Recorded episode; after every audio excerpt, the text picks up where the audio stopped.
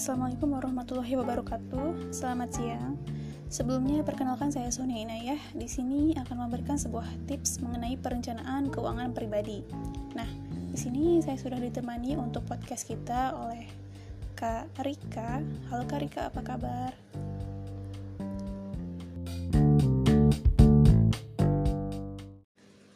Assalamualaikum. Perkenalkan saya Sonia Inayah. Di segmen kali ini, saya dan teman saya akan memberikan pembahasan mengenai keuangan, tepatnya tentang perencanaan keuangan pribadi. Nah, saya udah ditemenin sama teman saya namanya Kak Shiren. Halo Kak Shiren, apa kabar? Halo Kak Sonia, baik. Kita coba pura-pura ngomong Iya ya. ngomong bla bla Terus di pause. Bla bla bla bla bla. Oh, oh, ini kalau menurut gua maksudnya dia nanti nge-post gitu nih kalau misalnya mau dipotong. Kita coba pura-pura ngomong Iya ya. ngomong bla bla Terus bla di bla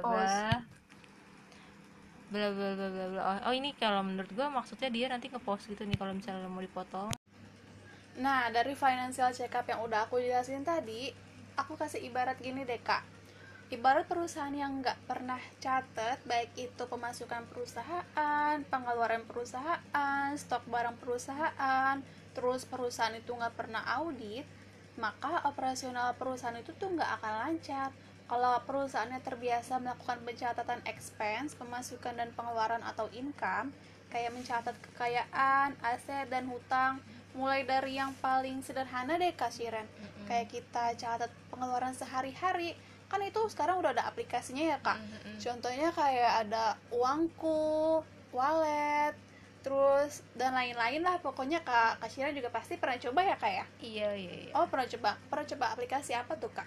Aku waktu itu pernah nyoba iseng sih uh, wallet itu ngebantu banget kan karena sekarang kan males ya kalau harus apa-apa nulis tuh karena uh, itu kan kalau misalnya kalau di buku kayaknya aku harus nyari bukunya kan? Iya nggak bisa sih dibawa bener ya, ke mana-mana ya kan? Oh bener banget. Kalau pakai wallet itu aku bisa.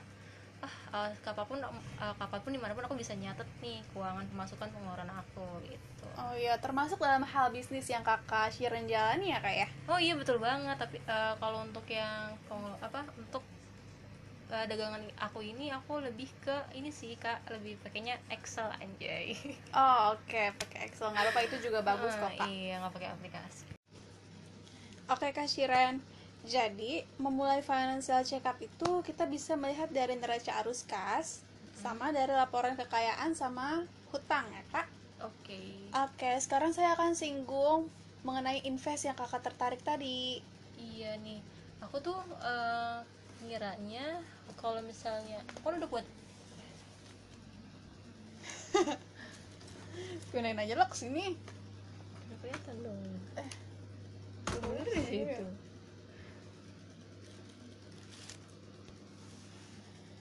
nah ngebahas tentang invest nih kak Sonia. Aku kan udah ngebuat perencanaan keuangan nih udah menyisakan pemasukanku buat tabungan nih di bank. Berarti itu udah bisa dibilang investasi kan ya Oke, pertanyaannya menarik banget Kak Shiren. Menabung itu beda sama invest, dia itu nggak sama. Masih banyak yang salah kaprah tentang hal ini. Perbedaannya antara menabung sama invest itu, aku sebutin ya kak. oke Kalau untuk menabung itu kita menyimpan uang untuk kebutuhan atau jangka pendek aja maupun darurat. Nah, itu yang pertama. Yang kedua, kalau menabung itu bisa kita cairin atau bisa kita ambil kapan aja. Nah, yang ketiga, keuntungan kalau kita nabung itu lebih rendah oh seperti iya itu. Nah, kemudian yang keempat, resiko kerugiannya rendah. Oke. Ya, kalau untuk invest Hmm? itu dia eh, pengembangan uang yang kita miliki itu untuk mendapatkan keuntungannya itu bisa lebih dari yang kita investasikan. Kalau menabung kan kita keuntungannya rendah. Nah, kalau invest itu bisa lebih. Terus kalau invest itu dia itu kan kalau menabung bisa kapan aja. Kalau invest ada jangka waktu untuk mencairkan dananya. oke jadi nggak bisa sembarangan ya Nggak bisa. Kemudian yang ketiga keuntungan yang didapat tentunya lebih tinggi. Hmm, Nah, ada satu yang eh, kekurangan dari invest ini punya resiko kerugian yang tinggi. Beda sama menabung seperti itu. Oke. Iya. Kalau misalnya investasi tuh kalau misalnya semakin tinggi kita investasi bisa jadi semakin tinggi keuntungan, jadi bisa jadi juga kerugiannya semakin tinggi ya. Benar. Jadi Oke. kita juga mesti pilih-pilih investasi apa yang cocok gitu ya untuk kita sebagai pemula seperti itu itu dulu Berarti gue nanya nih ke lu ini ya Apa lu nanya ke gue? Gue berarti nanya ke lu ya? iya itu dulu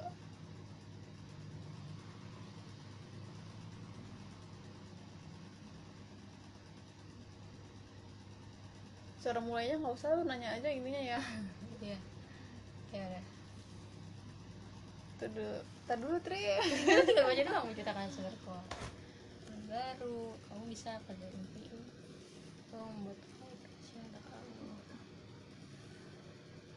Nah lu juga nyangkutin ini masalah corona. Apalagi kan masalah corona gini Pandemi gini kan semua perusahaan menurun ya kak. Karena dampak bahkan yang terkecil ke warung sekalipun. Tapi kalau invest saham lagi turun juga. Iya jadi kan berdampak juga kan ke penghasilan investasi lu. Iya gak sih? Apanya? kan kan sekarang lagi corona nih. Berarti investasinya semakin berkurang dong.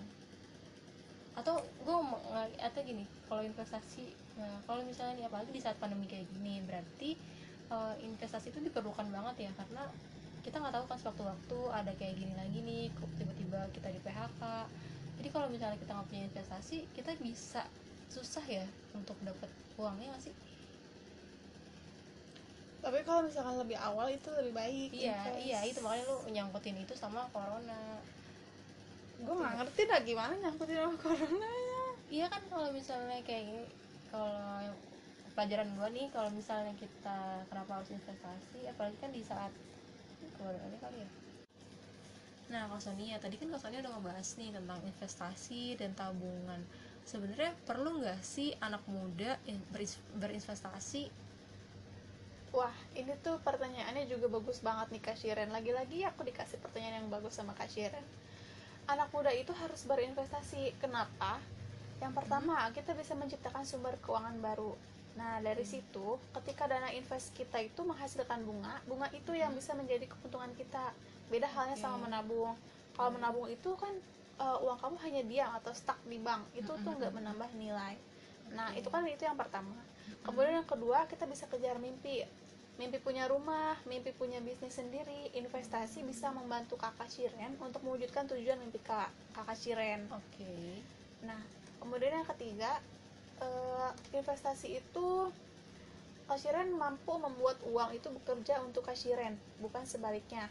Dana yang Kak Shiren invest akan menghasilkan uang tambahan dari bunga yang dihasilkan. Nah, dari tambah eh, tambahan pemasukan tersebut, Kak Shiren bisa menikmati hidup melakukan hal yang Kak Shiren pengen, misalkan traveling, Oh. lanjut pendidikan misalkan sampai S2 atau S3 atau modal membangun bisnis. Kemudian eh, selain itu, yang terakhir bisa menyiapkan masa tua. Akan ada waktunya Kashiren harus pensiun dan berhenti dari dunia kerja.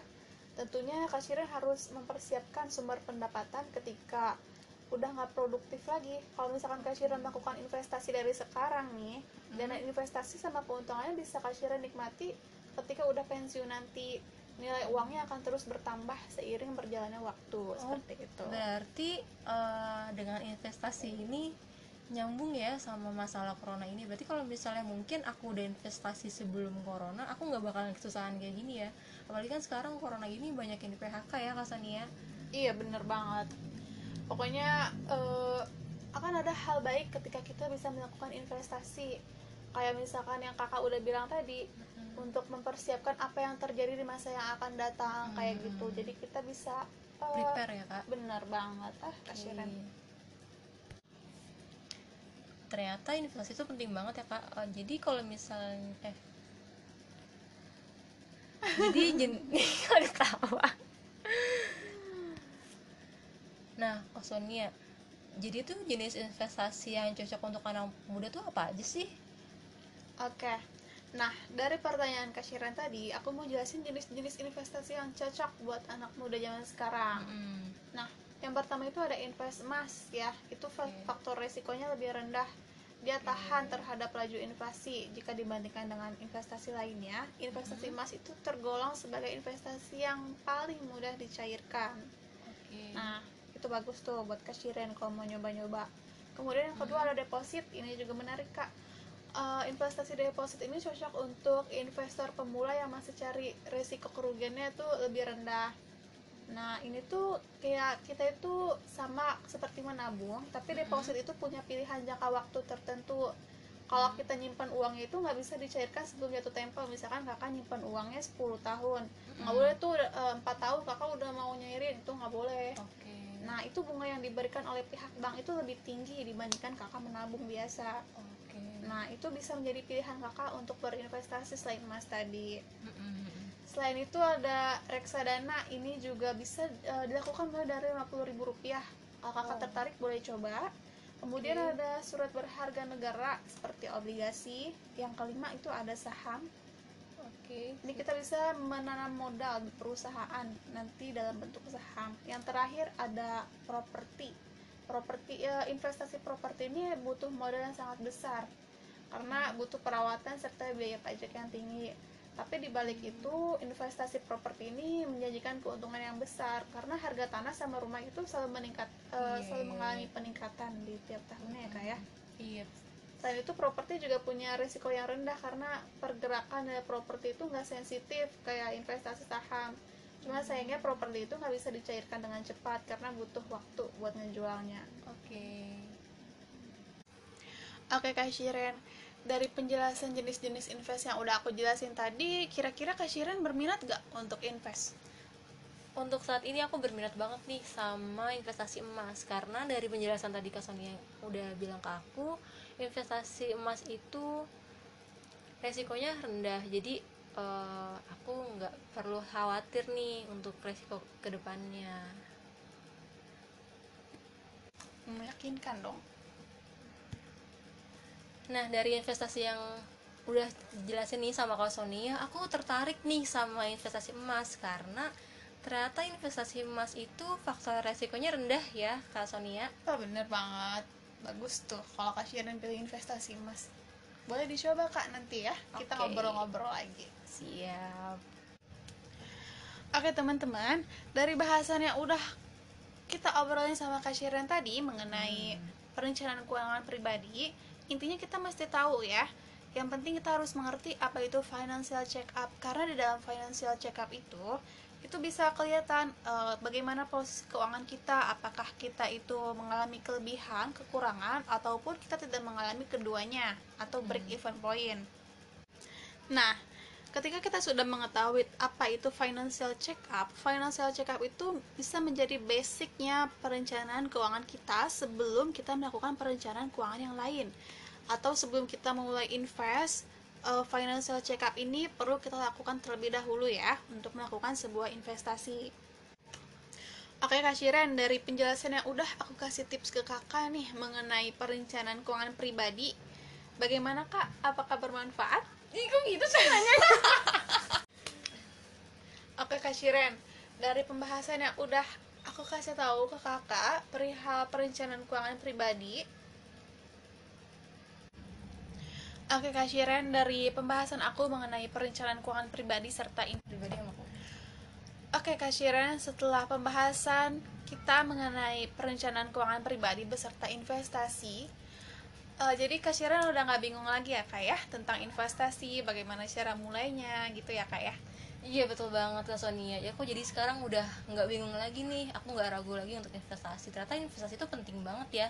Dan ternyata investasi itu ada juga nih yang resikonya rendah. Itu tadi aku bilang emas. Karena aku mau setelah ini aku bakal coba investasi emas. Wah keren banget Oke teman-teman cukup sekian podcast saya hari ini bersama Kak Shiren Semoga podcast kita ini bisa berguna dan bermanfaat bagi kalian semua yang ingin tahu bagaimana perencanaan keuangan pribadi serta bagaimana eh, cara berinvestasi sebelum itu Baik, kita akhiri dengan penutup Wassalamualaikum warahmatullahi wabarakatuh Assalamualaikum Perkenalkan saya Sonia Inayah di sini saya dengan Kak Shiren akan membahas tentang keuangan, lebih tepatnya tentang perencanaan keuangan pribadi. Nah, kita sapa dulu yuk sama Kak Shiren. Halo Kak Shiren, apa kabar? Halo Kak Sonia, baik. Oke, Alhamdulillah keadaan sehat ya Kak ya di masa pandemi ini. Alhamdulillah. Alhamdulillahirobbilalamin. Oke kak, eh, kali ini aku kan udah jarang banget ketemu sama Kak Shiren. Kesibukannya ngapain aja nih kak? Eh, sekarang sih alhamdulillah nih lagi sibuk eh, ngerjain orderan kue kering. Alhamdulillah udah punya usaha sendiri ya. Iya. Masya Allah, tabarakallah lancar ya kak bisnisnya. Amin. Oke, Eh, keluarga di rumah sehat ya kak ya? Alhamdulillah. Oke, kita eh, langsung aja nih kak, karena aku sama kakak kan bakal ngebahas eh, mengenai perencanaan keuangan pribadi. Menurut kakak, seberapa penting sih perencanaan keuangan pribadi itu? Eh, kalau menurut aku sih penting banget ya, karena kan dari perencanaan keuangan itu sendiri bisa ngebantu nih nge- ngebedain mana yang keinginan, mana yang kebutuhan. Oh iya, jadi eh, ada kita harus ngebedain gitu ya. Oh, kita butuh apa sih? Kita pengen apa gitu? yang Mm-mm, kita betul itu apa ya? Yang kita inginin itu apa gitu Iya, ya? Jadi betul banget. Oke, bagus banget sih kak. Oh iya, eh, pastinya kan eh, itu penting banget ya kak. Memang perencanaan keuangan atau financial planning itu sangat penting supaya tujuan keuangan kita itu lebih dapat terpenuhi secara efektif dan juga efisien.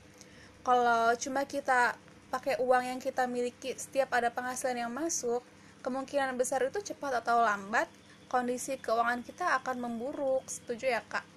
Setuju banget nih Kak Sonia. Jadi ya, financial planning juga bisa loh ngebe- ngebedain apa yang harus didahulukan dan mana yang harus ditunda dulu gitu. Oke, jadi eh, skala prioritas ya kak ya. Betul banget. Oke. Nah, eh, aku mau nanya nih buat Kak Shiren sendiri, gimana sih kakak itu kelola keuangan kakak selama ini? Mau nanya dong, boleh ya? Oh, boleh banget. Jadi tuh sebetulnya aku tuh baru banget ya ngerti tentang pentingnya menyusun keuangan. Awalnya sih eh, ketika ada pemasukan berapapun itu mau banyak atau sedikit ya eh, ya menurut aku uang wajib itu harus aku tabung. Nah, makin ke sini aku tuh ngeliat ya eh, lingkungan sekitar aku, aku ngeliat sosmed sih terutama banyak banget nih ngebahas tentang satu hal yang pengen aku pengen banget aku tahu, cuman aku masih maju mundur nih, Kak Sonia. Hmm, boleh dikasih tahu Kak Shiren apa tuh? Iya, jadi tuh aku pengen banget tahu tentang investasi. Kak Sonia tahu nggak sih investasi itu gimana ya?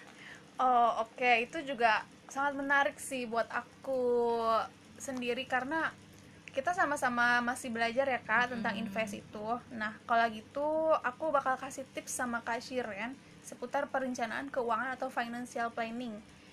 Nah, yang harus dilakukan itu yang pertama kita harus melakukan financial check up Kak Shiren. Tahu gak Kak Shiren financial check up itu apa? Nggak tahu, aku baru denger sih Kak Sonia. Apa sih financial check up itu? Nah, financial check up itu itu kayak basicnya financial planning. Jadi itu dasarnya eh, kita mengatur keuangan. Sebelum melakukan perencanaan keuangan yang lain, sebelum kita melakukan invest yang kakak mau Oke. itu, sebelum kita eh, mempelajari tentang invest, asuransi, biaya pendidikan, financial check up itu kita eh, bagaimana cara kita menilai sehat atau enggaknya keuangan kita kayak gitu.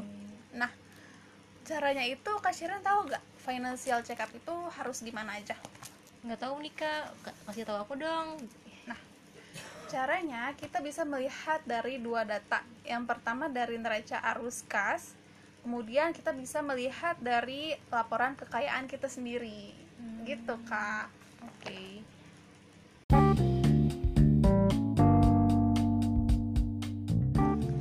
Assalamualaikum. Perkenalkan saya Sonia Inayah. Di sini saya dengan Kak Shiren akan membahas tentang keuangan, lebih tepatnya tentang perencanaan keuangan pribadi. Nah, kita sapa dulu yuk sama Kak Shiren. Halo Kak Shiren, apa kabar? Halo Kak Sonia, baik. Oke, alhamdulillah keadaan sehat ya Kak ya di masa pandemi ini. Alhamdulillah. Alhamdulillahirobbilalamin. Oke kak, eh, kali ini aku kan udah jarang banget ketemu sama Kak Shiren. Kesibukannya ngapain aja nih kak? Eh, sekarang sih alhamdulillah nih lagi sibuk eh, ngerjain orderan kue kering. Alhamdulillah udah punya usaha sendiri ya. Iya. Masya Allah, tabarakallah lancar ya kak bisnisnya. Amin. Oke, Eh, keluarga di rumah sehat ya kak ya? Alhamdulillah. Oke, kita eh, langsung aja nih kak, karena aku sama kakak kan bakal ngebahas eh, mengenai perencanaan keuangan pribadi. Menurut kakak, seberapa penting sih perencanaan keuangan pribadi itu? Eh, kalau menurut aku sih penting banget ya, karena kan dari perencanaan keuangan itu sendiri bisa ngebantu nih nge- ngebedain mana yang keinginan, mana yang kebutuhan. Oh iya, jadi eh, ada kita harus ngebedain gitu ya. Oh, kita butuh apa sih? Kita pengen apa gitu yang kita butuh itu apa? ya yang kita inginin itu apa gitu ya? Jadi betul banget Oke, bagus banget sih kak. Oh ya, eh, pastinya kan eh, itu penting banget ya kak. Memang perencanaan keuangan atau financial planning itu sangat penting supaya tujuan keuangan kita itu lebih dapat terpenuhi secara efektif dan juga efisien. Kalau cuma kita pakai uang yang kita miliki setiap ada penghasilan yang masuk, kemungkinan besar itu cepat atau lambat kondisi keuangan kita akan memburuk. Setuju ya kak? Setuju banget nih kak Sonia jadi ya financial planning juga bisa loh ngebe- ngebedain apa yang harus didahulukan dan mana yang harus ditunda dulu gitu Oke, jadi eh, skala prioritas ya kak ya. betul banget Oke. Nah, eh, aku mau nanya nih buat Kak Shiren sendiri, gimana sih kakak itu kelola keuangan kakak selama ini? Mau nanya dong, boleh ya? Oh boleh banget. Jadi tuh sebetulnya aku tuh baru banget ya ngerti tentang pentingnya menyusun keuangan. Awalnya sih eh, ketika ada pemasukan berapapun itu mau banyak atau sedikit ya ya menurut aku uang wajib itu harus aku tabung. Nah makin ke sini aku tuh ngeliat ya eh, lingkungan sekitar aku, aku ngeliat sosmed sih terutama banyak banget nih ngebahas tentang satu hal yang pengen aku pengen banget aku tahu cuman aku masih maju mundur nih Kak Sonia Hmm, boleh dikasih tahu Kak Shiren apa tuh? Iya, jadi tuh aku pengen banget tahu tentang investasi. Kak Sonia tahu nggak sih investasi itu gimana ya? Oh, oke, itu juga sangat menarik sih buat aku sendiri karena kita sama-sama masih belajar ya kak tentang invest itu. Nah, kalau gitu aku bakal kasih tips sama Kak Shiren seputar perencanaan keuangan atau financial planning. Nah, yang harus dilakukan itu yang pertama kita harus melakukan financial check up Kak Shiren. Tahu gak Kak Shiren financial check up itu apa? Nggak tahu, aku baru denger sih Kak Sonia. Apa sih financial check up itu? Nah, financial check up itu itu kayak basicnya financial planning. Jadi itu dasarnya eh, kita mengatur keuangan. Sebelum melakukan perencanaan keuangan yang lain, sebelum kita melakukan invest yang kakak mau Oke. itu, sebelum kita eh, mempelajari tentang invest, asuransi, biaya pendidikan, financial check up itu kita eh, bagaimana cara kita menilai sehat atau enggaknya keuangan kita kayak gitu. Nah, caranya itu Kak Shiren tahu nggak financial check up itu harus gimana aja? Nggak tahu nih Kak, Ka- kasih tahu aku dong. Caranya kita bisa melihat dari dua data. Yang pertama dari neraca arus kas, kemudian kita bisa melihat dari laporan kekayaan kita sendiri. Gitu kak. Oke. Nah dari financial check up yang udah aku jelasin tadi, aku kasih ibarat gini deh kak. Ibarat perusahaan yang nggak pernah catat, baik itu pemasukan perusahaan, pengeluaran perusahaan, stok barang perusahaan, terus perusahaan itu nggak pernah audit, maka operasional perusahaan itu tuh nggak akan lancar. Kalau perusahaannya terbiasa melakukan pencatatan expense, pemasukan dan pengeluaran atau income, kayak mencatat kekayaan, aset dan hutang, mulai dari yang paling sederhana deh Kak Shiren. Mm-mm. Kayak kita catat pengeluaran sehari-hari, kan itu sekarang udah ada aplikasinya ya Kak. Mm-mm. Contohnya kayak ada uangku, wallet, terus dan lain-lain lah pokoknya Kak Kak juga pasti pernah coba ya Kak ya? Iya iya. iya. Oh pernah coba, pernah coba aplikasi apa tuh Kak?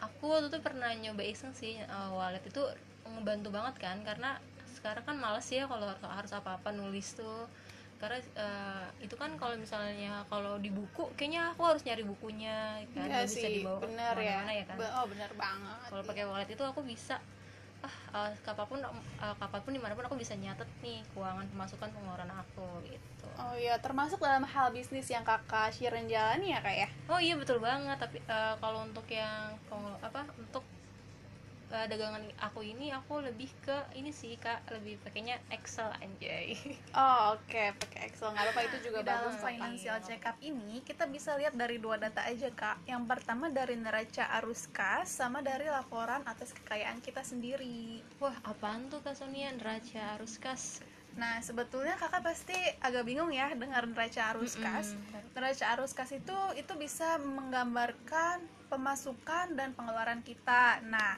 kalau dari pemasukan itu kan kita dari mana aja tuh bisa dari Hmm. satu sumber atau beberapa sumber. Nah, kalau pengeluaran pengeluaran kita pasti banyak banget kan Hmm, banget Nah, ada pengeluaran per hari, gitu kan kita beli-beli pulsa, beli Oh, apa gitu kan. Terus pengeluaran per minggu, terus pengeluaran per bulan. Nah, itu kan pasti dalam pengeluaran itu kita sisihkan untuk tiga hal dong pastinya untuk sedekah, Oh, iya pasti, dong, iya. sedekah.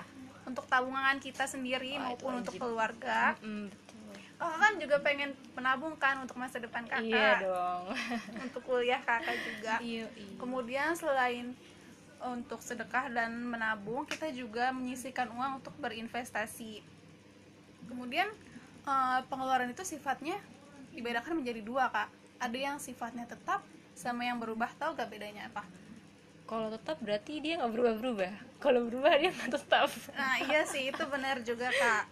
Cuma Heeh. kalau pengeluaran tetap atau kita sebut sebagai fixed expense oke itu contohnya kayak eh, kita bayar cicilan rumah atau KPR tuh itu kan nilainya tetap Oh, segitu iya, segitu aja terus kredit motor atau kakak misalkan ambil mobil itu kan pasti nilainya segitu segitu Oh, aja iya. Kalau misalkan variable expense atau yang sifatnya berubah-ubah kan Mm-mm. variabel kan nggak tetap tuh oh iya berubah-ubah itu tuh dia eh, pasti pembayarannya ada naik ada turun contohnya Hmm. kayak kita beli pulsa bayar- gitu ya ah bener banget beli beli pulsa bayar listrik pokoknya beli makan sehari-hari pasti Oh, juga kan iya. Oh, berubah-ubah iya, iya. kan selain yang dari neraca arus kas tadi yang dari pemasukan sama pengeluaran kita juga bisa ngelihat dari eh, laporan kekayaan dan hutang. Itu tercantum dalam financial statement ke Shiren. Hmm, gitu. Financial assessment itu apaan sih kak? Financial statement itu seperti laporan yang menggambarkan antara aset sama hutang kakak Shiren kayak Oh, gitu. Nah, kalau asetnya itu sama hutangnya itu nanti akan dibagi lagi. Nah, kalau di financial statement itu tercantum aset atau aktiva kakak. Aktiva itu bahasa anak akuntansi. Kita sebutnya sebagai harta atau Oh, aset. oke harta Nah, iya. Aset atau aktiva itu ada tiga kak. apa aja tuh Ya, ada tiga. Pertama itu ada liquid, personal Mhm. sama invest. wow apa aja tuh artinya Nah, liquid itu artinya eh, karena dia itu kan berasal dari liquid ya. Artinya kan cair. Contohnya kayak tabungan, deposit, reksadana, kayak gitu. Pokoknya itu sifatnya cair. Yang kedua ada personal. Personal itu maksudnya dia itu nggak ada nilai invest tiap bulannya, tidak mendatangkan nilai nilai invest tiap bulan. Contohnya kayak kayak kakak nih beli tas, terus Oke. beli perhiasan. Perhiasannya maksudnya di sini tuh bukan emas ya kak ya. Kalau emas itu dia bisa mendatangkan nilai invest. Terus kakak punya gadget mahal, punya laptop mahal, kayak gitu. Kemudian selain personal, ada invest. Tiap waktu mampu memberikan potensi pertumbuhan. Contohnya kayak eh, investasi emas, investasi reksadana. rumah termasuk juga ya kak Oh iya, itu masuk ke properti. Itu kayak saham dan lain-lain. Nah, itu dari aset, Kak. Sekarang ada utang. Utang itu Oke. terbagi menjadi dua loh, Kak. Tahu gak? Nggak tahu Nah, dari hutang itu terbagi menjadi dua, ada hutang jangka pendek sama hutang jangka panjang. Mm-mm. Hutang jangka pendek itu yang kurang dari satu tahun. Contohnya Oke. kayak kayak aku nih ngutang ke kasiren, hutang ke teman, hutang ke keluarga. Nggak mungkin lah kita ngutang sampai bertahun-tahun gitu Oh, kan, nggak oke, mungkin juga. Mm. Kalau misalkan hutang jangka panjang tuh contohnya kayak KPR, kayak Hmm. ambil kredit motor, oke kredit mobil kan itu pasti ada yang lebih dari satu tahun ya kak ya. Nah, kita bisa mencatat tuh semuanya antara aset kita, semua total aset kekayaan kita Mm-mm. dikurangi sama utang-utang kakak Shiren kayak gitu. Itu namanya aset bersih. Nah, Oke. dari situ akan dijadikan dasar untuk menghitung rasio keuangan kakak. Oke. Apakah sehat atau tidak? Kalau misalkan lebih banyak pengeluaran, itu namanya nggak bagus berarti kondisi keuangan Iya, kakak iya, iya, iya. atau uh, pemasukan kakak sama pengeluaran kakak itu sama sama itu Mm-mm. namanya kalau kalau di bahasa anak uh, marketing namanya break even point jadi nggak Oke. untung nggak rugi juga gitu oke kak Shiren jadi memulai financial check up itu kita bisa melihat dari neraca arus kas sama dari laporan kekayaan sama hutang ya kak. Oke. Oke, sekarang saya akan singgung mengenai invest yang kakak tertarik tadi. iya nih. Aku tuh eh, ngiranya kalau misalnya aku kan udah buat nah ngebahas tentang invest nih Kak Sonia. Aku kan udah ngebuat perencanaan keuangan nih udah menyisakan pemasukanku buat tabungan nih di bank berarti itu udah bisa dibilang investasi kan ya Oke, pertanyaannya menarik banget Kak Shiren. Menabung itu beda sama invest, dia itu nggak sama. Masih banyak yang salah kaprah tentang hal ini. Perbedaannya antara menabung sama invest itu, aku sebutin ya kak.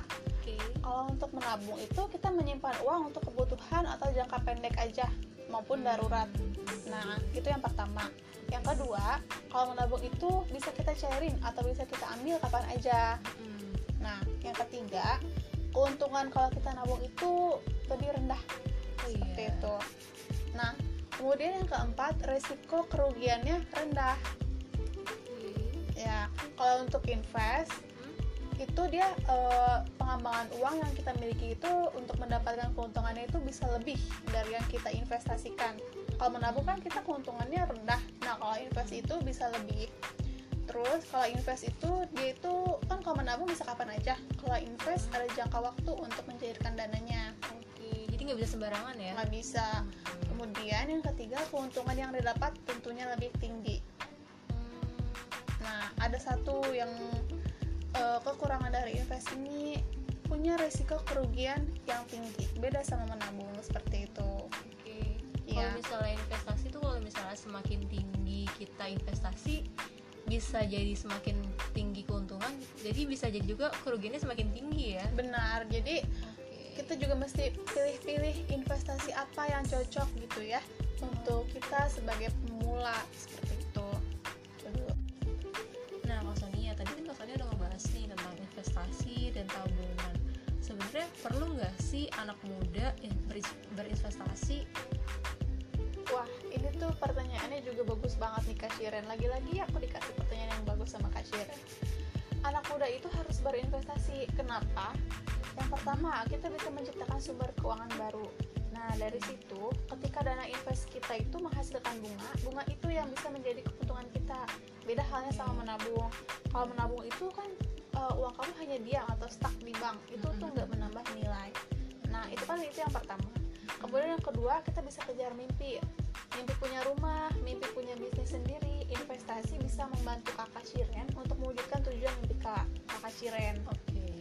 Nah, kemudian yang ketiga, eh, investasi itu Kak Shiren mampu membuat uang itu bekerja untuk Kak Shiren, bukan sebaliknya. Dana yang Kak Shiren invest akan menghasilkan uang tambahan dari bunga yang dihasilkan. Nah, dari tambah, eh, tambahan pemasukan tersebut, Kak Shiren bisa menikmati hidup melakukan hal yang Kak Shiren pengen, misalkan traveling, lanjut pendidikan misalkan sampai S2 atau S3 atau modal membangun bisnis. Kemudian eh, selain itu, yang terakhir bisa meningkatkan masa tua. Akan ada waktunya Kak Shiren harus pensiun dan berhenti dari dunia kerja. Tentunya Shiren harus mempersiapkan sumber pendapatan ketika udah nggak produktif lagi. Kalau misalkan Kak Shiren melakukan investasi dari sekarang nih, dana investasi sama keuntungannya bisa Kak Shiren nikmati ketika udah pensiun nanti. Nilai uangnya akan terus bertambah seiring berjalannya waktu. Seperti itu. Berarti eh, dengan investasi ini nyambung ya sama masalah corona ini. Berarti kalau misalnya mungkin aku udah investasi sebelum corona, aku nggak bakalan kesusahan kayak gini ya. Apalagi kan sekarang corona ini banyak yang di PHK ya Kak Sania. Iya bener banget. Pokoknya eh, akan ada hal baik ketika kita bisa melakukan investasi. Kayak misalkan yang kakak udah bilang tadi, untuk mempersiapkan apa yang terjadi di masa yang akan datang kayak Hmm. gitu. Jadi kita bisa eh, Prepare ya Kak. bener banget. Ah, kasih Ren. Ternyata investasi itu Nah, Kak Sonia, jadi tuh jenis investasi yang cocok untuk anak muda tuh apa aja sih? Oke. Nah, dari pertanyaan Kak Shiren tadi, aku mau jelasin jenis-jenis investasi yang cocok buat anak muda zaman sekarang. Hmm. Nah, yang pertama itu ada invest emas ya. Itu fa- faktor resikonya lebih rendah. Dia tahan terhadap laju inflasi jika dibandingkan dengan investasi lainnya. Investasi emas itu tergolong sebagai investasi yang paling mudah dicairkan. Nah, itu bagus tuh buat kasiren kalau mau nyoba-nyoba. kemudian yang kedua ada deposit ini juga menarik kak uh, investasi deposit ini cocok untuk investor pemula yang masih cari resiko kerugiannya tuh lebih rendah nah ini tuh kayak kita itu sama seperti menabung tapi deposit itu punya pilihan jangka waktu tertentu. Kalau kita nyimpan uangnya itu nggak bisa dicairkan sebelum jatuh tempo. Misalkan kakak nyimpan uangnya 10 tahun. Nggak boleh tuh eh, empat tahun kakak udah mau nyairin itu nggak boleh. Nah itu bunga yang diberikan oleh pihak bank itu lebih tinggi dibandingkan kakak menabung biasa. Nah itu bisa menjadi pilihan kakak untuk berinvestasi selain emas tadi selain itu ada reksadana ini juga bisa uh, dilakukan mulai dari rp rupiah. Kalau kakak tertarik boleh coba. Kemudian ada surat berharga negara seperti obligasi. Yang kelima itu ada saham. Oke ini kita bisa menanam modal di perusahaan nanti dalam bentuk saham. Yang terakhir ada properti. Properti ya, investasi properti ini butuh modal yang sangat besar. Karena butuh perawatan serta biaya pajak yang tinggi tapi dibalik itu investasi properti ini menjanjikan keuntungan yang besar. Karena harga tanah sama rumah itu selalu meningkat uh, selalu mengalami peningkatan di tiap tahunnya ya kak ya. Iya. Selain itu properti juga punya risiko yang rendah karena pergerakan dari properti itu nggak sensitif kayak investasi saham. Cuma sayangnya properti itu nggak bisa dicairkan dengan cepat karena butuh waktu buat menjualnya oke. Oke kak Shiren dari penjelasan jenis-jenis invest yang udah aku jelasin tadi, kira-kira Kak Shiren berminat gak untuk ini? Nah, dari investasi yang udah jelasin nih sama Kak Sonia, aku tertarik nih sama investasi emas karena ternyata investasi emas itu faktor resikonya rendah ya Kak Sonia. Oh, bener banget. Bagus tuh kalau Kak Shiren pilih investasi emas. Boleh dicoba Kak nanti ya. Kita ngobrol-ngobrol lagi. Siap. Oke teman-teman, dari bahasan yang udah kita obrolin sama Kak tadi mengenai perencanaan keuangan pribadi, intinya kita mesti tahu ya. Yang penting kita harus mengerti apa itu financial check up karena di dalam financial check up itu itu bisa kelihatan uh, bagaimana proses keuangan kita, apakah kita itu mengalami kelebihan, kekurangan ataupun kita tidak mengalami keduanya atau break even point. Nah, ketika kita sudah mengetahui apa itu financial check up, financial check up itu bisa menjadi basicnya perencanaan keuangan kita sebelum kita melakukan perencanaan keuangan yang lain. Atau sebelum kita memulai invest uh, financial check up ini perlu kita lakukan terlebih dahulu ya untuk melakukan sebuah investasi. Oke Kak Shiren setelah pembahasan kita mengenai perencanaan keuangan pribadi beserta investasi uh, jadi Kak Sharon udah nggak bingung lagi ya kak ya tentang investasi bagaimana cara mulainya gitu ya kak ya? Iya betul banget Kak Sonia Ya aku jadi sekarang udah nggak bingung lagi nih. Aku nggak ragu lagi untuk investasi. Ternyata investasi itu penting banget ya. Dan ternyata investasi itu ada juga nih yang resikonya rendah gitu Tadi aku bilang emas Karena aku mau setelah ini aku bakal coba investasi emas Wah keren banget Oke teman-teman, cukup sekian podcast saya hari ini bersama Kak Shiren. Semoga yeah. podcast kita ini bisa berguna dan bermanfaat bagi kalian semua yang ingin tahu bagaimana perencanaan keuangan pribadi serta bagaimana uh, cara berinvestasi sebelum itu. Baik, kita akhiri dengan penutup. Wassalamualaikum warahmatullahi wabarakatuh.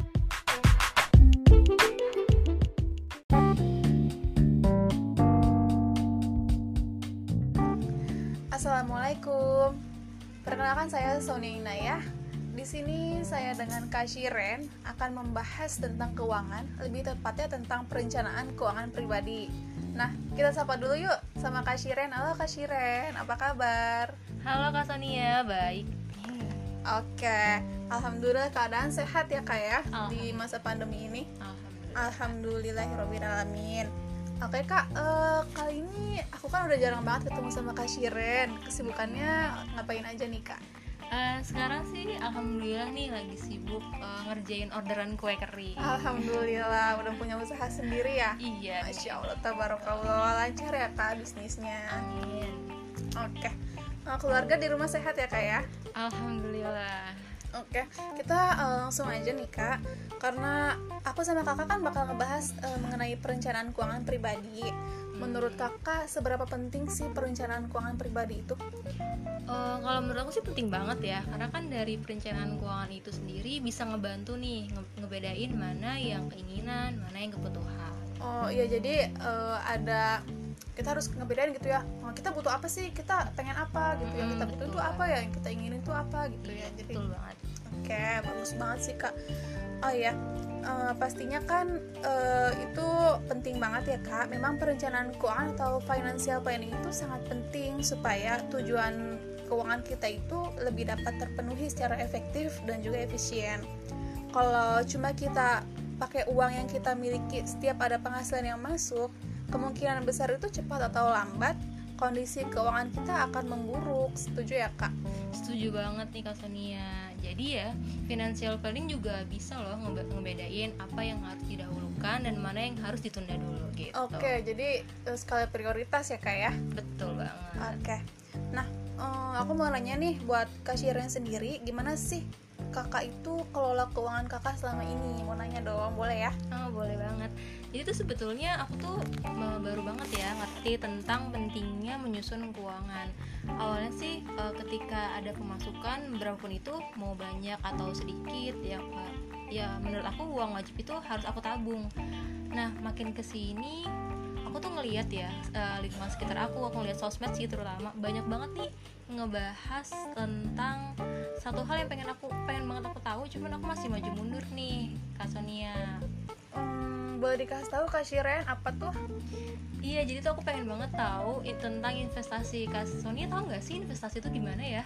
Oh, oke, itu juga sangat menarik sih buat aku sendiri karena kita sama-sama masih belajar ya kak tentang invest itu. Nah, kalau gitu aku bakal kasih tips sama Kak Shiren seputar perencanaan keuangan atau financial planning. Nah, yang harus dilakukan itu yang pertama kita harus melakukan financial check up Kak Shiren. Tahu gak Kak Shiren financial check up itu apa? Nggak tahu, aku baru denger sih Kak Sonia. Apa sih financial check up itu? Nah, financial check up itu itu kayak basicnya financial planning. Jadi itu dasarnya eh, kita mengatur keuangan. Sebelum melakukan perencanaan keuangan yang lain, sebelum kita melakukan invest yang kakak mau Oke. itu, sebelum kita eh, mempelajari tentang invest, asuransi, biaya pendidikan, financial check up itu kita eh, bagaimana cara kita menilai sehat atau enggaknya keuangan kita kayak gitu. Nah, caranya itu Kak Shiren tahu nggak financial check up itu harus gimana aja? Nggak tahu nih Kak, Ka- kasih tahu aku dong. Caranya kita bisa melihat dari dua data. Yang pertama dari neraca arus kas, kemudian kita bisa melihat dari laporan kekayaan kita sendiri. Gitu kak. Oke. Nah dari financial check up yang udah aku jelasin tadi, aku kasih ibarat gini deh kak. Ibarat perusahaan yang nggak pernah catat, baik itu pemasukan perusahaan, pengeluaran perusahaan, stok barang perusahaan, terus perusahaan itu nggak pernah audit, maka operasional perusahaan itu tuh nggak akan lancar.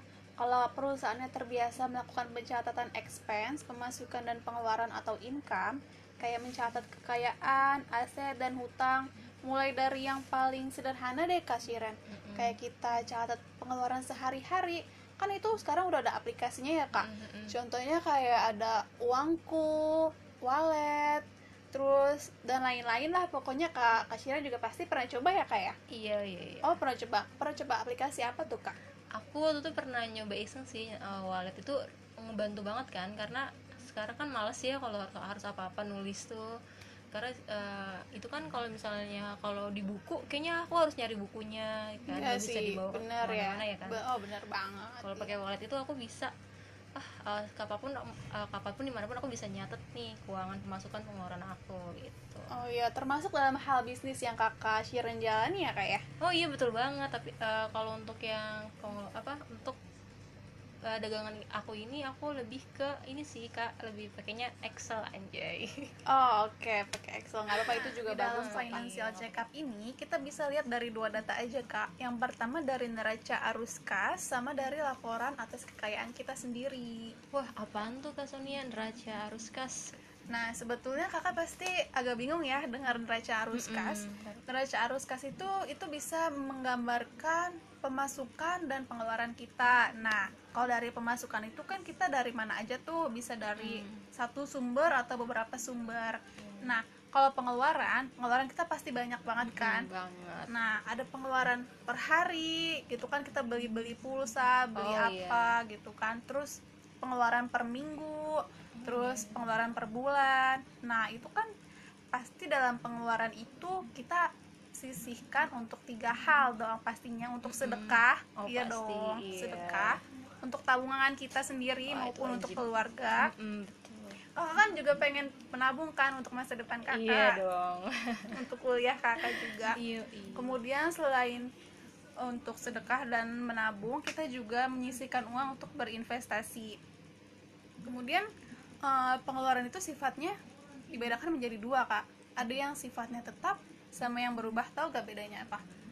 kalau tetap berarti dia nggak berubah-berubah kalau berubah dia nggak tetap Nah iya sih itu benar juga kak. Cuma Heeh. kalau pengeluaran tetap atau kita sebut sebagai fixed expense oke itu contohnya kayak eh, kita bayar cicilan rumah atau KPR tuh itu kan nilainya tetap Oh, segitu iya, segitu aja terus kredit motor atau kakak misalkan ambil mobil itu kan pasti nilainya segitu segitu Oh, aja iya.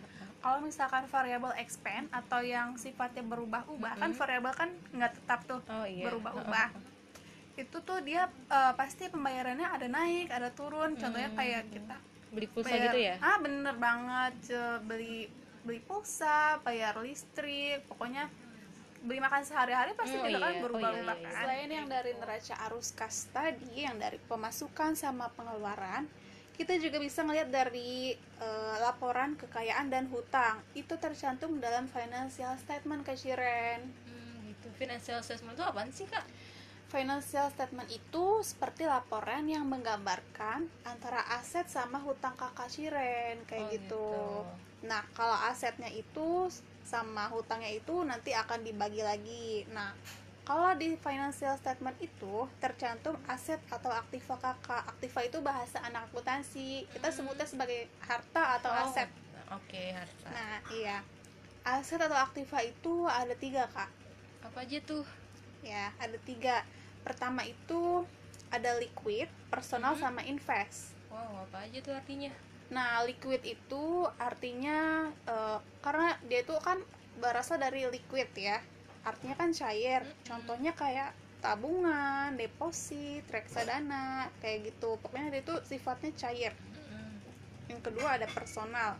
Personal itu maksudnya dia itu nggak ada nilai invest tiap bulannya, tidak mendatangkan nilai nilai invest tiap bulan. Contohnya kayak kayak kakak nih beli tas, terus Oke. beli perhiasan. Perhiasannya maksudnya di sini tuh bukan emas ya kak ya. Mm-mm. Kalau emas itu dia bisa mendatangkan nilai invest. Terus kakak punya gadget mahal, punya laptop mahal, kayak gitu. Kemudian selain personal, ada invest. Tiap waktu mampu memberikan potensi pertumbuhan. Contohnya kayak eh, investasi emas, investasi reksadana. rumah termasuk juga ya kak Oh iya, itu masuk ke properti. Itu kayak saham dan lain-lain. Nah, itu dari aset, Kak. Sekarang ada utang. Utang itu Oke. terbagi menjadi dua loh, Kak. Tahu gak? nggak tahu Nah, dari hutang itu terbagi menjadi dua, ada hutang jangka pendek sama hutang jangka panjang. Mm-mm. Hutang jangka pendek itu yang kurang dari satu tahun. Contohnya Oke. kayak kayak aku nih ngutang ke kasiren, hutang ke teman, hutang ke keluarga. oke Nggak mungkin lah kita ngutang sampai bertahun-tahun gitu Oh, kan, nggak oke, mungkin juga. Mm. Kalau misalkan hutang jangka panjang tuh contohnya kayak KPR, kayak Hmm. ambil kredit motor, oke kredit mobil kan itu pasti ada yang lebih dari satu tahun ya Oke. Nah, kita bisa mencatat tuh semuanya antara aset kita, semua total aset kekayaan kita dikurangi sama utang-utang kakak Shiren kayak gitu. Itu namanya aset bersih. Nah, Oke. dari situ akan dijadikan dasar untuk menghitung rasio keuangan kakak. Oke. Apakah sehat atau tidak? Kalau misalkan lebih banyak pengeluaran, itu namanya nggak bagus berarti kondisi keuangan Iya, kakak iya, iya, iya. atau uh, pemasukan kakak sama pengeluaran kakak itu sama sama. Itu Mm-mm. namanya kalau kalau di bahasa anak uh, marketing namanya break even point. Jadi nggak Oke. untung nggak rugi juga gitu. Oke kak Shiren. Jadi memulai financial check up itu kita bisa melihat dari neraca arus kas sama dari laporan kekayaan sama hutang ya kak? Oke. Oke, sekarang saya akan singgung mengenai invest yang kakak tertarik tadi. iya nih aku tuh eh, ngiranya kalau misalnya aku kan udah buat nah ngebahas tentang invest nih Kak Sonia aku kan udah ngebuat perencanaan keuangan nih udah menyisakan pemasukanku buat tabungan nih di bank berarti itu udah bisa dibilang investasi kan ya Oke, pertanyaannya menarik banget Kak Shiren. Menabung itu beda sama invest, dia itu nggak sama. Masih banyak yang salah kaprah tentang hal ini. Perbedaannya antara menabung sama invest itu, aku sebutin ya kak. oke Kalau untuk menabung itu kita menyimpan uang untuk kebutuhan atau jangka pendek aja maupun darurat. Nah, itu yang pertama. Yang kedua, kalau menabung itu bisa kita cairin atau bisa kita ambil kapan aja. Hmm, Nah, yang ketiga, keuntungan kalau kita nabung itu lebih rendah seperti iya. itu. Nah, kemudian yang keempat, resiko kerugiannya rendah. Oke. Ya, kalau untuk invest Hmm, itu dia eh, pengembangan uang yang kita miliki itu untuk mendapatkan keuntungannya itu bisa lebih dari yang kita investasikan. Kalau menabung kan kita keuntungannya rendah. Nah, kalau invest itu bisa lebih. Terus kalau invest itu dia itu kan kalau menabung bisa kapan aja. Kalau invest ada jangka waktu untuk mencairkan dananya. Nggak bisa sembarangan ya Nggak bisa. Kemudian yang ketiga keuntungan yang didapat tentunya lebih tinggi. Hmm, Nah, ada satu yang eh, kekurangan dari invest ini punya resiko kerugian yang tinggi. Beda sama menabung seperti itu. Oke. Iya. Kalau misalnya investasi tuh kalau misalnya semakin tinggi kita investasi bisa jadi semakin tinggi keuntungan, jadi bisa jadi juga kerugiannya semakin tinggi ya. Benar. Jadi. Kita juga mesti pilih-pilih investasi apa yang cocok gitu ya untuk kita sebagai pemula seperti itu. Nah, Kak Sonia tadi kan Kak Sonia udah ngebahas nih tentang investasi dan tabungan. Sebenarnya perlu nggak sih anak muda berinvestasi? Wah, ini tuh pertanyaannya juga bagus banget nih Kak Shiren. Lagi-lagi aku dikasih pertanyaan yang bagus sama Kak Shiren. Anak muda itu harus berinvestasi. Kenapa? Yang pertama, kita bisa menciptakan sumber keuangan baru. Nah, dari situ, ketika dana invest kita itu menghasilkan bunga, bunga itu yang bisa menjadi keuntungan kita. Beda halnya sama menabung. Kalau menabung itu kan eh, uang kamu hanya diam atau stuck di bank. Itu tuh nggak menambah nilai. Nah, itu kan itu yang pertama. Kemudian yang kedua, kita bisa kejar mimpi. Mimpi punya rumah, mimpi punya bisnis sendiri, investasi bisa membantu kakak Shiren untuk mewujudkan tujuan mimpi kak, kakak Shiren. Oke. Nah, kemudian yang ketiga, eh, investasi itu Kak Shiren mampu membuat uang itu bekerja untuk Kak Shiren, bukan sebaliknya. Dana yang Kak Shiren invest akan menghasilkan uang tambahan dari bunga yang dihasilkan. Nah, dari tambah, eh, tambahan pemasukan tersebut, Kak Shiren bisa menikmati hidup melakukan hal yang Kak Shiren pengen, misalkan traveling, lanjut pendidikan misalkan sampai S2 atau S3 atau modal membangun bisnis. Kemudian eh, selain itu, yang terakhir bisa meningkat masa tua. Akan ada waktunya Kak Shiren harus pensiun dan berhenti dari dunia kerja. Tentunya Kak Shiren harus mempersiapkan sumber pendapatan ketika udah nggak produktif lagi. Kalau misalkan Kak Shiren melakukan investasi dari sekarang nih, dana investasi sama keuntungannya bisa Kak Shiren nikmati ketika udah pensiun nanti. Nilai uangnya akan terus bertambah seiring berjalannya waktu. Seperti itu. Berarti eh, dengan investasi ini nyambung ya sama masalah corona ini. Berarti kalau misalnya mungkin aku udah investasi sebelum corona, aku nggak bakalan kesusahan kayak gini ya. Apalagi kan sekarang corona ini banyak yang di PHK ya Kak Sania. Iya bener banget. Pokoknya eh, akan ada hal baik ketika kita bisa melakukan investasi. Kayak misalkan yang kakak udah bilang tadi untuk mempersiapkan apa yang terjadi di masa yang akan datang kayak Hmm. gitu. Jadi kita bisa eh, Prepare ya Kak. bener banget. Ah kasih men. Ternyata investasi itu Nah, Kak Sonia, jadi tuh jenis investasi yang cocok untuk anak muda tuh apa aja sih? Oke. Nah, dari pertanyaan Kak Shiren tadi, aku mau jelasin jenis-jenis investasi yang cocok buat anak muda zaman sekarang. Hmm. Nah, yang pertama itu ada invest emas ya. Itu fa- faktor resikonya lebih rendah. Dia tahan terhadap laju inflasi jika dibandingkan dengan investasi lainnya. Investasi emas itu tergolong sebagai investasi yang paling mudah dicairkan. Nah, itu bagus tuh buat kasiren kalau mau nyoba-nyoba kemudian yang kedua ada deposit ini juga menarik kak uh, investasi deposit ini cocok untuk investor pemula yang masih cari resiko kerugiannya tuh lebih rendah nah ini tuh kayak kita itu sama seperti menabung tapi deposit itu punya pilihan jangka waktu tertentu. Kalau kita nyimpan uangnya itu nggak bisa dicairkan sebelum jatuh tempo. Misalkan kakak nyimpan uangnya 10 tahun. Nggak boleh tuh eh, empat tahun kakak udah mau nyairin. Itu nggak boleh. Nah itu bunga yang diberikan oleh pihak bank itu lebih tinggi dibandingkan kakak menabung biasa. Nah itu bisa menjadi pilihan kakak untuk berinvestasi selain emas tadi selain itu ada reksadana ini juga bisa uh, dilakukan mulai dari ribu rupiah. Kalau kakak tertarik boleh coba. Kemudian ada surat berharga negara seperti obligasi. Yang kelima itu ada saham. Oke ini kita bisa menanam modal di perusahaan nanti dalam bentuk saham. Yang terakhir ada properti. Properti ya, investasi properti ini butuh modal yang sangat besar. Karena butuh perawatan serta biaya pajak yang tinggi tapi dibalik itu investasi properti ini menjanjikan keuntungan yang besar. Karena harga tanah sama rumah itu selalu meningkat uh, selalu mengalami peningkatan di tiap tahunnya ya kak ya? Iya. Selain itu properti juga punya risiko yang rendah karena pergerakan dari properti itu nggak sensitif kayak investasi saham. Cuma sayangnya properti itu nggak bisa dicairkan dengan cepat karena butuh waktu buat menjualnya oke. Okay. oke okay, kak Shiren dari penjelasan jenis-jenis invest yang udah aku jelasin tadi, kira-kira Kak Shiren berminat gak untuk ini?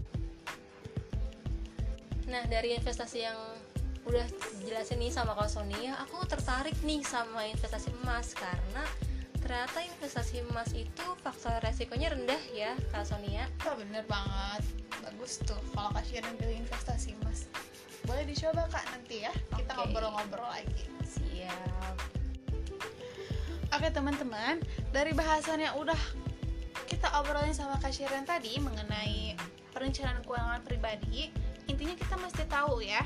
Yang penting kita harus mengerti apa itu financial check up karena di dalam financial check up itu itu bisa kelihatan uh, bagaimana proses keuangan kita, apakah kita itu mengalami kelebihan, kekurangan ataupun kita tidak mengalami keduanya atau break even point.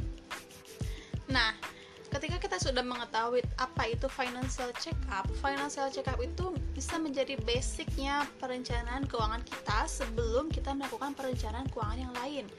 Atau sebelum kita memulai invest uh, financial check up ini perlu kita lakukan terlebih dahulu ya untuk melakukan sebuah investasi. Oke Kak Shiren setelah pembahasan kita mengenai perencanaan keuangan pribadi beserta investasi uh, jadi Kak Sharon udah nggak bingung lagi ya kak ya tentang investasi bagaimana cara mulainya gitu ya kak ya? Iya betul banget Kak Sonia Ya aku jadi sekarang udah nggak bingung lagi nih. Aku nggak ragu lagi untuk investasi. Ternyata investasi itu penting banget ya. Dan ternyata investasi itu ada juga nih yang resikonya rendah Itu tadi aku bilang emas. Karena aku mau setelah ini aku bakal coba investasi emas Wah keren banget Oke teman-teman, cukup sekian podcast saya hari ini bersama Kak Shiren. Semoga yeah. podcast kita ini bisa berguna dan bermanfaat bagi kalian semua yang ingin tahu bagaimana perencanaan keuangan pribadi serta bagaimana uh, cara berinvestasi sebelum itu. Baik, kita akhiri dengan penutup. Wassalamualaikum warahmatullahi wabarakatuh.